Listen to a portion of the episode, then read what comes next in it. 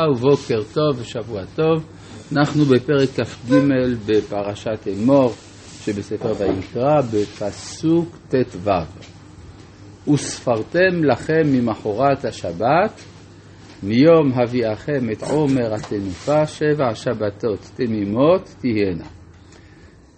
אה, עד ממחרת השבת השביעית תספרו חמישים יום. אז כל זה דיברנו כבר איך להבין את הרעיון של ממחרת השבת. כן, אולי נוסיף עוד אה, רעיון אחד של הרב יהודה קופרמן, זיכרונו לברכה, שהסביר שהיום הראשון של פסח יש לו צד של דמיון לשבת, בגלל שההלכה הראשונה של לא תעשה שנאמרה בפסח הראשון בהיסטוריה הייתה ואתם לא תצאו איש מפתח ביתו עד בוקר. וזה גם ההלכה הראשונה שנאמרה לגבי השבת במדבר, עד יצא איש ממקומו ביום השביעי, כך שבמובן הזה זה דומה קצת ליום השבת. הקושי שיש בפירוש הזה, שאם זה ככה, היה צריך להיות שמחרת השבת זה הכוונה יום ראשון של פסח בבוקר, זה לא כך, כן, זה יום שני של פסח. אבל אפשר גם את זה ליישב. בכל מקרה, למה צריך שבעה שבועות? שבעה שבועות, המספר שבע הוא זמן של בניין עולם חדש בישראל, אה, שבעת ימי בראשית ושבעת ימי טהרה מזב או מהנידה או מהזבה, וכל פעם, או למשל, או מצורע, שבעת ימים. מחוץ לעולו זאת אומרת שהמספר שבעה מציין את הצורך בהיטהרות. אם העומר הוא קרב מהשעורים, שזה מאכל בהמה, אז זה מציין שעדיין עם ישראל, בזמן יציאת מצרים היה במדרגה שפלה, שלא נתן לו את האפשרות של קבלת התורה, ולכן הוא צריך שבעה שבועות. אותם שבועות, כלומר, אם יחיד צריך שבעה ימים, אומה זקוקה לשבעה שבועות, וזה מסביר מדוע היום השמיני של פסח נדחה עד היום החמישים. כי הרי אחרי שבעת ימים היה צריך מיד להגיע למדרגה שהיא מעל הטבע, שהיא מדרגת שמונה, לפי המהר"ל, שמספר שמונה מציין מה שמעל הטבע, אבל, אה, והדבר נדחה. כיוון שהדבר נדחה, אז ומתן תורה לא חל ביום השמיני של פסח, ממילא כל ההיסטוריה קיבלה אופי אחר, והמצב האידיאלי נדחה לעתיד לבוא. לעתיד לבוא חג הסוכות, שהוא שבעת ימים, ועוד יום אחד, שהוא דבוק אליו, יום, מה שאנחנו קוראים לו שמחת תורה, שהוא ההשלמה והתיקון העתידי של מה שלא התרחש בשלמותו אה, בהיסטוריה של העבר. יש לציין, אגב, שבספר יחזקאל מובא לעתיד לבוא חג הפסח, כלומר חג המצות, פסח, חג המצות וחג הסוכות. אין זכר לא לשבועות, לא לראש השנה ולא ליום הכיפורים.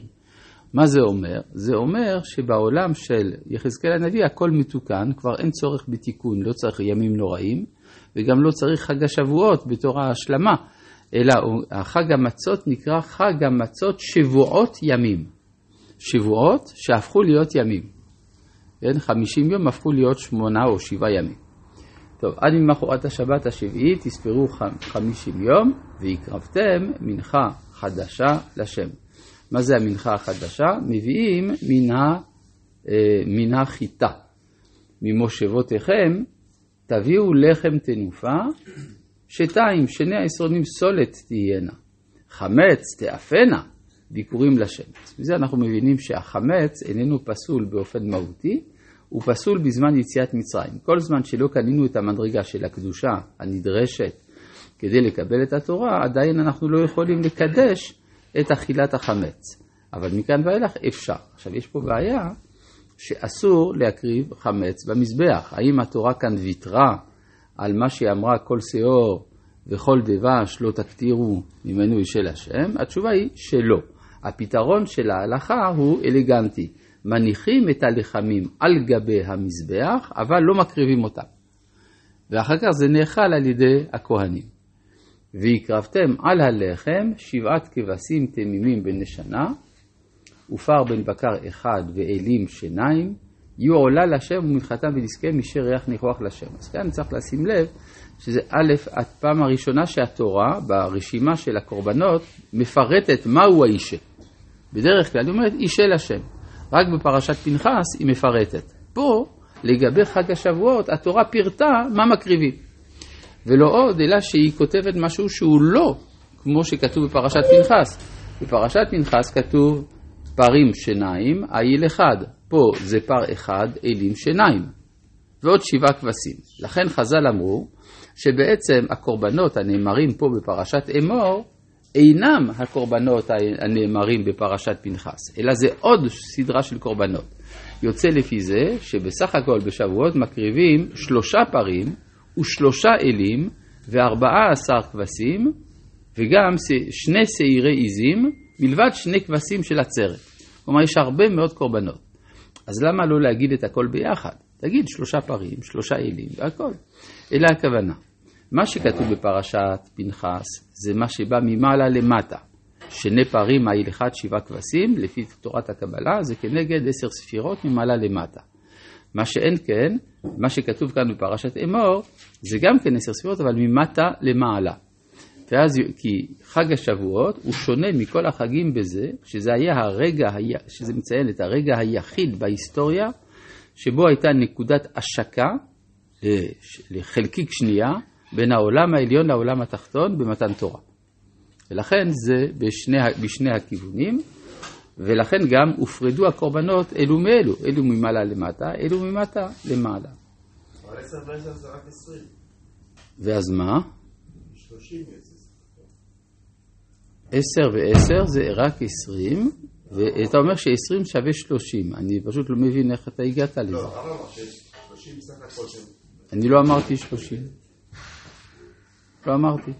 אתה מייחס לי דברים שלא אמרתי.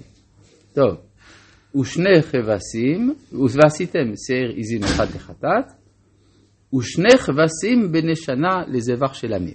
זה המקרה היחיד שבו יש קורבן שלמים שהוא קורבן ציבור.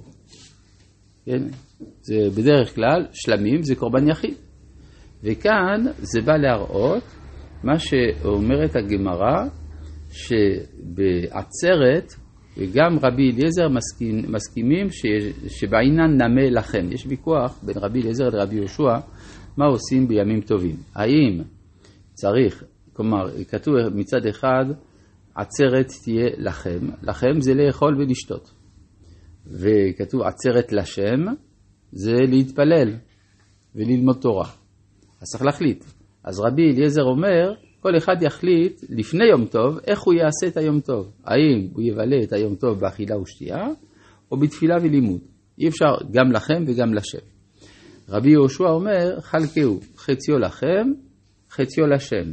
צריך גם וגם. בעצרת רבי אליעזר מודה לרבי יהושע. דבעינן נמה לכם. למה? בגלל שזה חג גם של הקדוש ברוך הוא וגם שלנו ביחד. כיוון שזה היה זמן החיבור. ולכן כאן יש אה, הלכה ייחודית שמורה על כך שיש כבשי עצרת שהם קורבן שלמים, שהוא בעצמו קורבן ציבור, דבר שלא ראינו בשום מקום אחר. יש לי שאלה. מה? וספרתם לכם ממחרת השבת, כחג השבועות, אם סופרים 49 יום, למה כל פעם שבועות התאריך A או ו' משתנה? למה זה לא בדיוק ידוע? כן, אתה צודק שבאמת חג השבועות התאריך שלו קבוע. זה תמיד בו' בסיוון, לפי הלוח שלנו, שבו חודש ניסן תמיד מלא וחודש אייר תמיד חסר. אבל זה נכון שבימי קדם שהיו מקדשים על פי הראייה, לפעמים היה יוצא בה', לפעמים בו', לפעמים בז' בסיוון, אתה צודק. אבל אתה גם צודק מה שאמרת שהיום החג הוא קבוע. כן. והניף הכהן אותן, אותה, הכהן אותם, את, את הכבשים האלה, על לחם הביקורים, תנופה לפני השם, על שני כבשים קודש יהיו לשם לכהן. אה, ואז מתבקש כמובן שהיום הזה יהיה יום אסור במלאכה, וקראתם בעצם היום הזה, מקרא קודש יהיה לכם, כל מלאכת עבודה לא תעשו, חוקת עולם, בכל מושבותיכם לדורותיכם. זה אם כן התוכן של חג השבועות שהתאריך שלו קבוע. רבי